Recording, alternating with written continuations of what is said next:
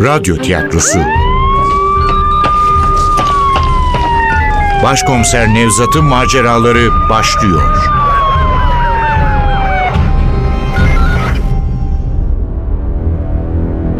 Kavim. 13. Bölüm. Eser Ahmet Ümit. Seslendirenler Başkomiser Nevzat Nuri Gökaşan Komiser Ali Umut Tabak Meryem Yeliz Gerçek. Can Nusayir Türkgil Can Başak. Güvenlik Tayyar Hakan Akın. Hoca Efendi Gazanfer Ündüz. Efektör Cengiz Saran. Ses Teknisini Ozan Akıncı. Yönetmen Ogün Yağcı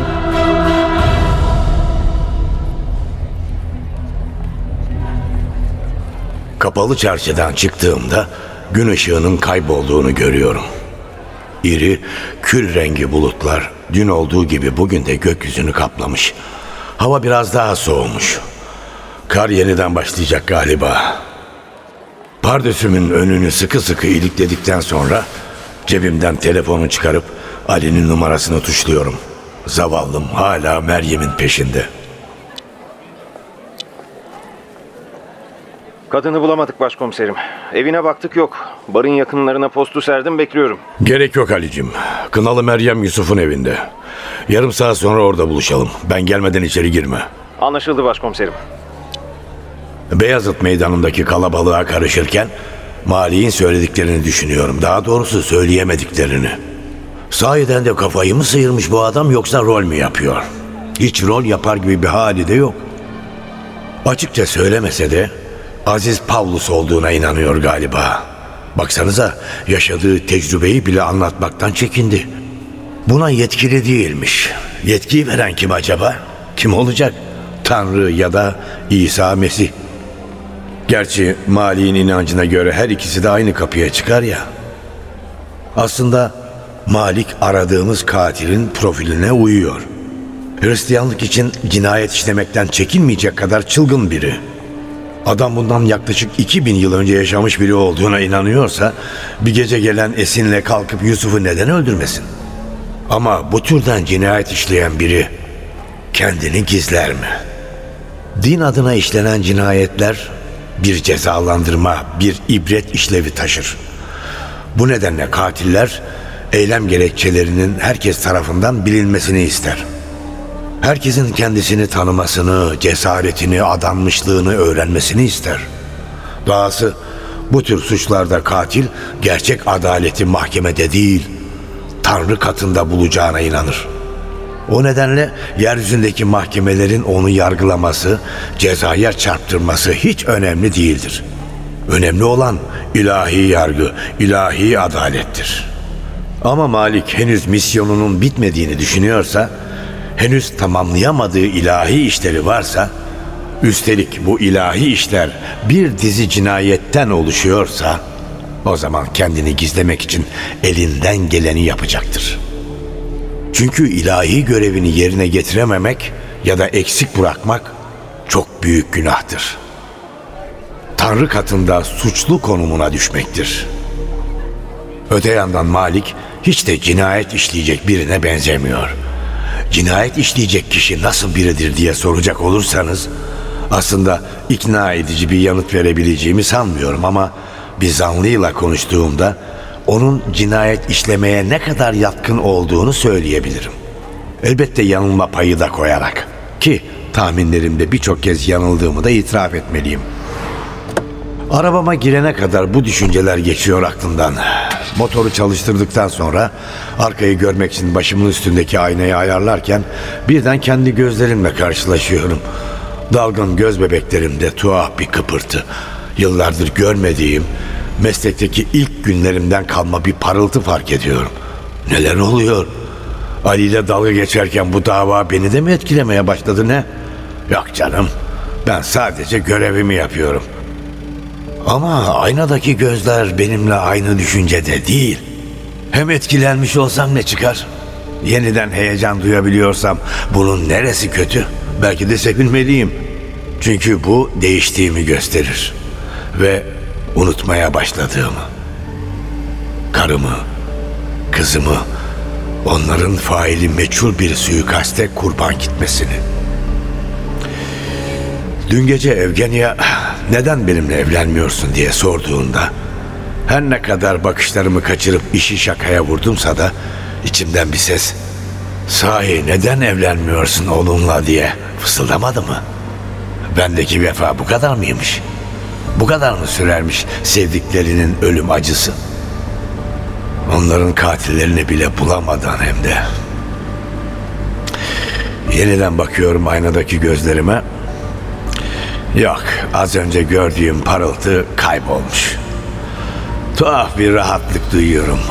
Huzursuzca kıpırdanan vicdanım, içimde büyüyen merakı acımasızca boğduktan sonra eski soğukkanlılığıma yeniden dönüyorum. Ama arabamı caddeye çıkarırken Ali'ye geç kalmamak için saatime bakmaktan da kendimi alamıyorum. Yusuf'un oturduğu sokak son derece sakin. Vatikan konsolosluğu dikkatimi çekiyor. Dünyadan soyutlanmış, korunaklı bir kaleyi andıran binanın duvarlarına bakarken Yusuf'un evinin Vatikan konsolosluğuyla aynı sokakta bulunmasının rastlantı olup olamayacağını düşünüyorum. Düşüncelerim cep telefonumun ziliyle bölünüyor. Şimdi otopsiden çıktım başkomiserim. Önemli bir ayrıntı fark ettim. Ne oldu? Ne o yoksa Yusuf bıçakla öldürülmemiş mi? Bıçakla öldürülmüş. İki darbe de kalbe isabet etmiş. İlk darbe değilse bile ikincisi ölüme neden olmuş. Söyleyeceğim o değil başkomiserim. Bu Yusuf Hristiyan değil miydi? E kimliğinde öyle yazıyor. Tanıyan herkes öyle olduğunu söylüyor. Ama adam sünnetli. Nasıl yani? Basbayağı başkomiserim. Yusuf sünnetli. Aa, bu tuhaf işte. Ee, bir de maktulün sağ bileğindeki şu çileğe benzeyen leke. Dövme değilmiş. Doğum lekesiymiş. Tamam Zeynep'ciğim. Haber verdiğin için teşekkür ederim. Ben de Meryem'le konuşmaya gidiyordum. Bir de ona soralım. Bakalım nasıl açıklayacak bu durumu. Ha Zeynep. Şu maliyi de bir araştırır mısın? Bizde dosyası falan var mı? Nasıl bir adammış anlayalım. Apartmanın önüne geldiğimde Ali'yi beklerken buluyorum. Meryem çıkacak falan olursa gözden kaçırmamak için arabasını apartman kapısının önüne park etmiş. Beni görünce araçtan çıkıyor, suratı asık. Meryem'i neden kendisinin bulamadığını dert ediyor hala. Benim emektarı onun arabasının önünde durduruyorum. Ali'nin elinde cızırdayan bir telsiz var. Şunun sesini kıs Ali'cim. Daha bizi karşılarında görmeden kim olduğumuzu anlamasınlar oğlum.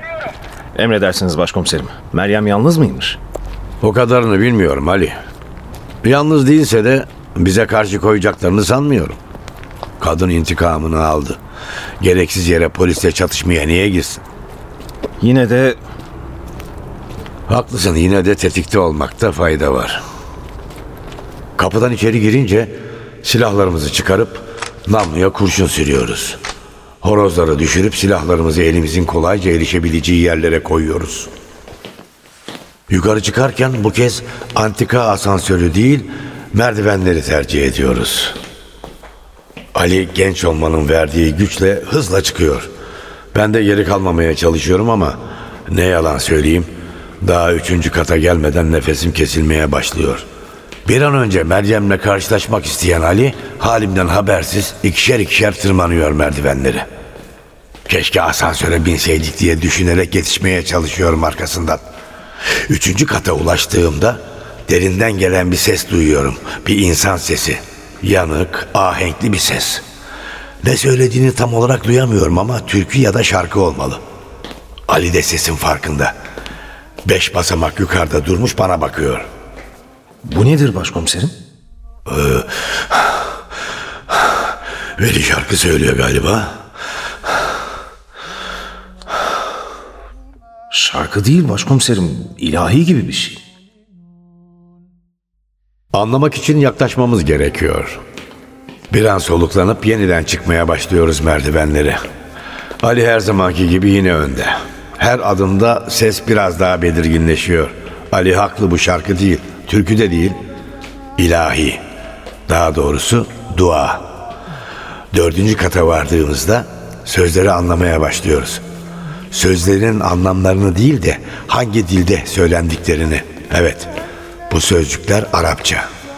Anlamını bilmesek de çocukluğumuzdan beri belki yüzlerce kez dinlediğimiz için artık aşina olduğumuz bu seslerin Kur'an-ı Kerim'den alınma bir dua olduğunu anlıyoruz. Muhtemelen ölünün ardından okunan bir dua. İşin tuhafı güzel sesli bir hocanın okuduğu duanın bizim maktulün evinden gelmesi. Hristiyan bir ölünün ardından okunan Müslüman duası. Kapının önünde Ali ile birbirimize bakıyoruz. Daha fazla beklemenin anlamı yok. Ardı ardına üç kez dile basıyorum. Ama zil sesi içerideki duayı bölmüyor. Yoksa kapıyı açmayacaklar mı? Derken açılan kilidin sesini duyuyoruz. Kapıda dün gece Nazaret'in kapısında karşılaştığımız öteki korumanın uzun suratı görünüyor. Adı neydi bu herifin ya? Ali'nin muhteşem belleği anında çalışıyor. Hemen hatırlıyor korumanın adını. Merhaba Tayyar. Mevlit mi var? Dua okunuyor Yusuf abi için. Bak şimdi olmadı Tayyar. Biz niye davetli değiliz? Amirim, salonda dua okunuyor. İsterseniz haber vereyim Meryem ablaya. E okunsun Tayyar. Ne sakıncası var evladım? Hepimiz Müslüman değil miyiz? Nereye gidiyorsun Tayyar? Dön yüzünü şu duvara. Bir mühimmat dökümü yapalım bakalım. Tayyar yüzünü duvara dönerek ellerini kaldırıyor. Ali aramaya başlıyor. Tayyar'ın belinden bir tabanca ve üç şarjör çıkıyor. Ne kadar ayıp Tayyar. İnsan mevlide silahla gelir mi? Bunun ruhsatı var değil mi Tayyar? Var. Ne dedin Tayyar? İyi duyamadım. Var. Var dedim komiserim. Aferin Tayyar. Yoksa bu şarjördeki kurşunları tek tek yedirirdim sana. Tayyar'ı hafiflettikten sonra önümüze katıp salona yöneliyoruz. Salonda önce Meryem'i görüyorum. Kızıl saçlarını siyah bir başörtüsünün altına saklamış. Gözleri kapalı, avuçlarını açmış, pencerenin önündeki koltukta oturuyor. Yanındaki koltuk can tarafından parsellenmiş. Onun duayla, mevlütle hiçbir ilgisi yok. Şu iş bitse de gitsek der gibi sıkıntılı bir ifadeyle önüne bakıyor. Salonun ortasına doğru birkaç adım atınca bizi fark ediyor. Bizi görünce yüzündeki sıkıntı anında endişeye bırakıyor yerini. Hemen Meryem'e fısıldıyor. Polisler geldi. Meryem hiç acele etmiyor. Göz kapaklarını usulca aralayarak bize bakıyor. Gözlerinde en küçük bir şaşkınlık belirtisi yok. Sanki gelmemizi bekliyormuş gibi bir hali var. Hiç konuşmadan eliyle boş koltukları göstererek oturmamızı istiyor. Bir an ne yapacağıma karar veremiyorum. Ali'nin de benden farkı yok. Gözlerini yüzüme dikmiş, ne yapacağız dercesine bakıyor bana. İkimizin de yardımına hoca yetişiyor. Avuçlarını yukarı doğru açarak duanın son sözlerini söylemeye başlıyor. Duayı bildiğimden değil, hocanın sözcükleri söylerken yaptığı vurgudan alıyorum bunu. Hoca son olarak odadakileri Fatiha okumaya davet ederken bizi fark ediyor. Ters bir durum olduğunu anlıyor hemen. Duayı kesmiyor ama şaşkın gözlerle önce bize sonra Meryem'e bakıyor. Meryem başıyla duayı tamamlamasını işaret ediyor. Hocanın sesi gerginleşiyor. Artık sözcükleri aceleyle okumaya başlıyor. Anlaşılan Meryem hakkında epeyce bilgiye sahip. Sonunda duayı tamamlayıp avuçlarını yüzüne sürüyor. Belki önde Tayyar, arkada Ali ile ben böyle salonun girişinde durmasak ölen kişi için başka dualar da okuyacak. Töreni tamamlayacak başka sözler de söyleyecek ama varlığımız onu huzursuz ediyor. Allah rahmet eylesin. Allah rahmet eylesin. Hoca efendiyi gönderseniz de artık dünya meselelerine dönsek. Hoş geldiniz Nevzat Bey. Ziyaretiniz biraz vakitsiz oldu ama yine de hoş geldiniz. Haklısınız Meryem Hanım. Vakitsiz geldik. Ama ne yaparsınız? Vakitsiz cinayetler, vakitsiz ziyaretlere yol açıyor. Tayyar, Hoca Efendi'yi kapıya kadar geçiriver. Neden öyle bakıyorsun Tayyar? Sevap bize de lazım oğlum. Hadi hocayı birlikte yolcu edelim. Sonra kaldığımız yerden devam ederiz muhabbete. Tekrar başınız sağ olsun Meryem Hanım kızım. Rahmetlinin mekanı cennet olsun. Amin. Dostlar sağ olsun hoca efendi dilinize sağlık. Yalnız anlayamadım. Hristiyan biri için Müslüman duası biraz abes değil mi? Hristiyan Müslüman fark etmez. Dua duadır. Hepimiz aynı Tanrı'ya inanmıyor muyuz? Orası doğru da bir başka doğru daha var. Hepimizin inandığı Tanrı kimseyi öldürmeyeceksin diyor. Kulun canını kulun almasına izin vermiyor öyle değil mi? Meryem bakışlarını kaçırmıyor. Dünyadan vazgeçmiş gibi öyle korkusuz bir hali var ki açıkçası ürküyorum. Şimdi sağ yanındaki komodinin üzerinde duran çantasına uzanacak. İçinden silahını çıkarıp üzerime boşaltacak diye geçiyor aklımdan ama konuşmaya devam ediyorum. Ee, sanırım artık rahatlamışsınızdır Meryem Hanım. Neden rahatlayacakmışım? Ne demek istediğimi gayet iyi anladınız. Bingöllü'den mi bahsediyorsunuz? Ee, Başka kimden olacak? Bingöllü'yü Tonguç vurdu. O da dün gece teslim oldu. Nereden biliyorsunuz? Çünkü yanındaydım. Yapmayın Nevzat Bey bunların hepsini biliyorsunuz. Tonguç olan biteni anlatmış size. Ee, evet anlattı. Onu sizin azmettirdiğinizi de söyledi. Sadece azmettirmekle kalmamışsınız. Bingöllü'ye bizzat siz ateş etmişsiniz. Hem de yakın mesafeden. Boşa uğraşıyorsunuz Nevzat Bey. Tonguç'un size ne anlattığını biliyorum. Avukatından öğrendim. Olaylar sizin anlattığınız gibi olmadı. Evet, Tonguç'la birlikte Bingöllü Kadir'i görmeye gittiğimiz doğrudur. Neden görmeye gittiniz Bingöllü'yü? Neden olacak Yusuf'un katilini sormaya? Yani Yusuf'u sen mi öldürdün diyecektiniz. Evet onu da soracaktık. Ama bara giderken Bingöllü ve adamıyla yolda karşılaştık. Onlar da bizi gördü.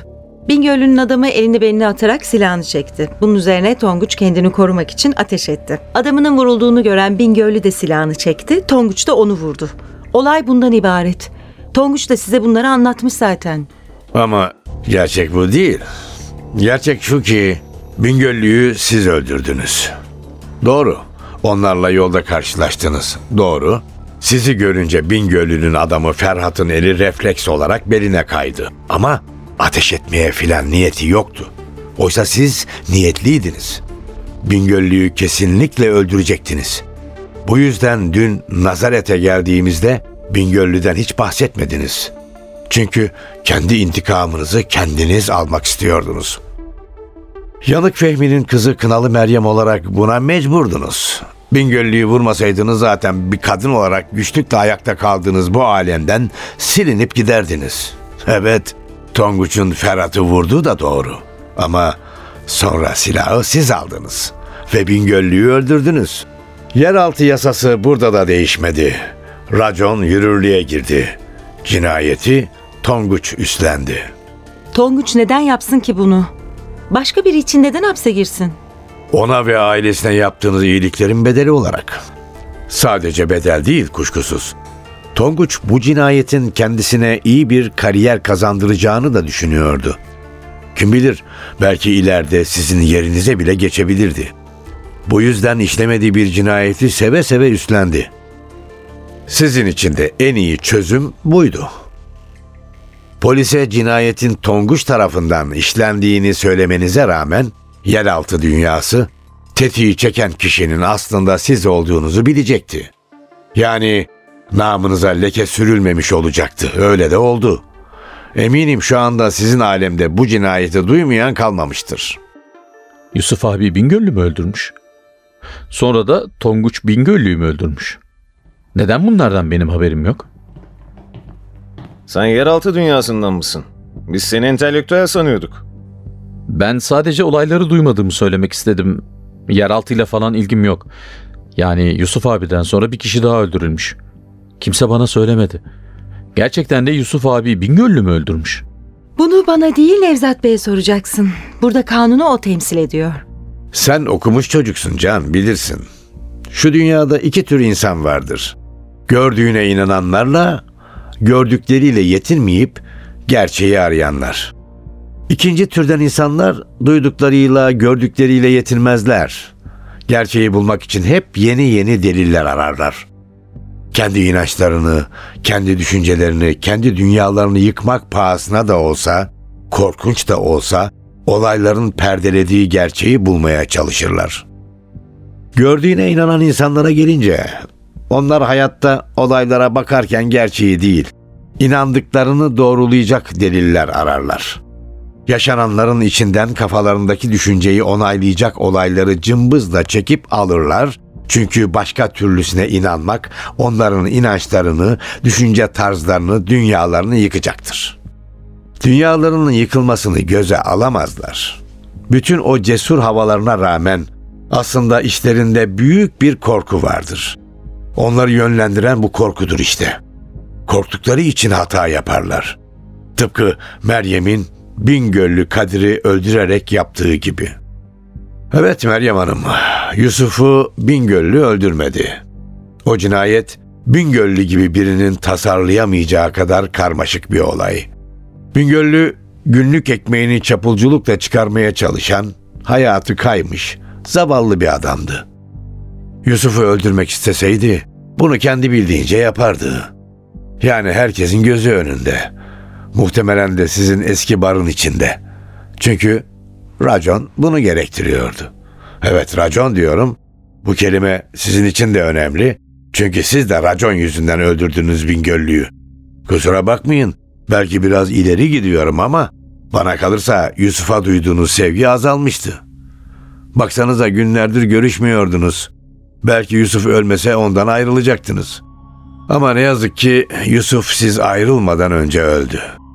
Ve racon artık sevmeseniz bile alem sizi sevgili bildiği için onun katilini öldürmenizi emrediyordu.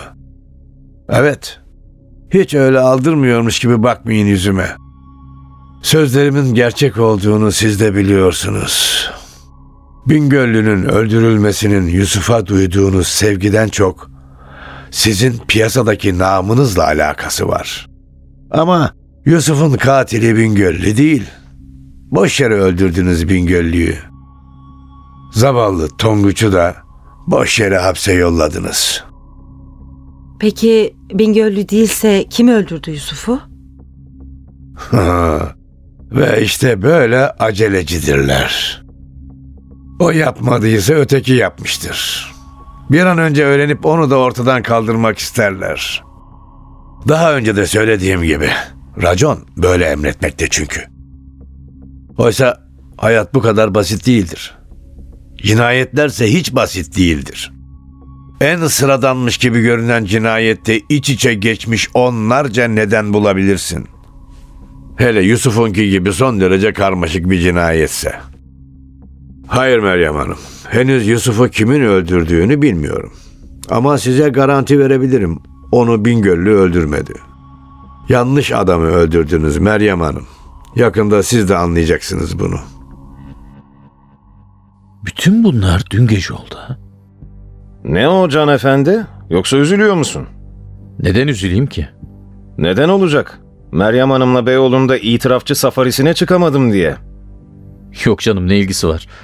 Ben olanlardan haberim olmadığını söylemek istedim sadece. Nevzat Bey yanılıyorsunuz. Ben Yusuf'tan ayrılmayacaktım. Onu seviyordum. Racon meselesi değil bu. Babamdan sonra kimsenin ölümüne bu kadar üzülmedim. Onu Bingöl'ü öldürmedi diyorsunuz ama elinizde ne bir delil ne de şahit var. Size neden inanayım ki? Üstelik Yusuf'un Bingöllü'den başka düşmanı yoktu. Sizin bildiğiniz yoktu. Söyler misiniz Meryem Hanım? Yusuf'u ne kadar tanıyordunuz? Yeterince tanıyordum. İnkar etmeyin. Daha önce siz de söylediniz. Tanımıyordunuz. Can'la Malik dışında hangi arkadaşını tanıştırdı sizinle?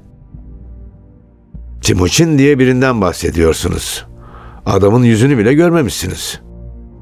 Yusuf'un Hristiyan olduğunu söylüyorsunuz ama adam sünnetli. Hı, Can, sünnetli Hristiyan olur mu? Ne? Nasıl? Sünnetli Hristiyan olur mu diyorum. Olmaz. Gerçi Hristiyanlığın ilk yıllarında önce Yahudi olup sonra İsa'ya inanan kişiler sünnetliydi. Çünkü hepsi Yahudiydi. Hatta İsa bile sünnetliydi. Aslında bu konu Hristiyanlığın ilk yıllarında önemli bir tartışma konusu olmuştu. Antakya yöresinde dini yayın Aziz Pavlus sünnetin gerekli olmadığını savunuyordu. Kudüs'teki Hristiyanlarsa Yahudilikte var olan bu uygulamanın Hristiyanlıkta da sürmesini istiyorlardı. Sonuçta Aziz Pavlus'un dediği oldu. Sünnet gerekli bir uygulama olmaktan çıkarıldı. Sağlık nedeniyle yapmışlar. Ben de sormuştum. Çocukken ameliyat olmuş. Şu Malik, onunla ne tür bir ilişkisi vardı Yusuf'un? Sanırım bazı ticari işleri olmuş. Son yıllarda Malik kendini iyice dine verdiği için sadece dostluk ilişkileri vardı. Severler miydi birbirlerini? Severlerdi. Malik amcanın yanında huzur bulduğunu söylerdi Yusuf abi. Senin hemşerinmiş Malik öyle mi Can? Evet, o da Antakyalı. Aslında Müslüman bir ailenin çocuğudur. Sonradan Hristiyan oldu. Meryem Hanım, bir konu daha var. Şu Timuçin denilen adam bize Yusuf hakkında çok şey anlatabilir. Onu nasıl bulabiliriz? Telefonu, adresi yani adam hakkında herhangi bir şey. Onu bilmiyorum. Ya sen? Sen de tanıyor musun Timuçin'i? Adını duydum. Yanımda da birkaç kez telefonla konuştu. Ama hiç görmedim. Kim olduğunu da bilmiyorum. Bir keresinde sordum. Bir arkadaş deyip geçiştirdi Yusuf abi. Peki Fatih adında birini duydunuz mu? Bu evde bir mektup bulduk. Yusuf'a yazılmış olduğunu düşünüyoruz. Mektubu Fatih adında biri yazmış. Adam bir ara hastanede yatmış. Rahatsızlığı falan olmalı. Yusuf size böyle birinden bahsetti mi? Yusuf abi arkadaşlarından söz etmeyi pek sevmezdi. Ne arkadaşlarından ne de ailesinden. Ailesinden hiç bahsetmedi bana. Sana anlatmış mıydı Meryem abla? Yo bana da anlatmadı. Mardin'de akrabaları varmış ama onlardan da kimseyi tanımadım. Biz tanırız artık. Yusuf'un cenaze törenine geleceklerdir herhalde. Yusuf akrabalarından pek hoşlanmazdı. Törene onlar gelmese de olur. Zaten cenazeyi ben kaldıracağım. Ama Yusuf abiye Hristiyan töreni yapmak lazım. Ne gerekiyorsa yaparız. Korkarım bu imkansız. Nedenmiş o? Sizi gözaltına almak zorundayız. Çünkü Tonguç dün geceki ifadesinde onu sizin azmettirdiğinizi söyledi. Olay yerinde olduğunuzu siz de gizlemiyorsunuz zaten. Tutuklanıp tutuklanmayacağınıza savcılık karar verecek. Savcılık sizi salıverse bile maktulle hiçbir akrabalığınız yok. Yani Yusuf'un naaşını size vermezler. Onu ancak akrabaları alabilir. Tören için akrabalarından izin almanız gerekecek. Gerekirse alırım ama onu sonra konuşuruz. Şimdi avukatımı aramam gerek. Başkomiserim beni de mi gözaltına alacaksınız? Korkma Can. Seni gözaltına almayacağız. Ama sakıncası yoksa bizimle emniyete gelmeni istiyorum. Konuşmak istediğim birkaç şey var. Kavim Eser Ahmet Ümit Seslendirenler Başkomiser Nevzat Nuri Gökaşan Komiser Ali Umut Tabak Meryem Yeliz Gerçek Can Nusayir Türkgil Can Başak. Güvenlik Tayyar Hakan Akın. Hoca Efendi Gazanfer Ündüz. Efektör Cengiz Saran. Ses Teknisini Ozan Akıncı. Yönetmen Ogün Yağcı.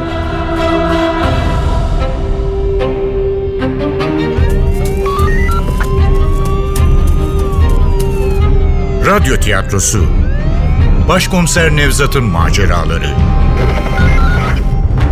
Başkomiser Nevzat'ın maceraları her cumartesi 11.15'te NTV Radyo'da.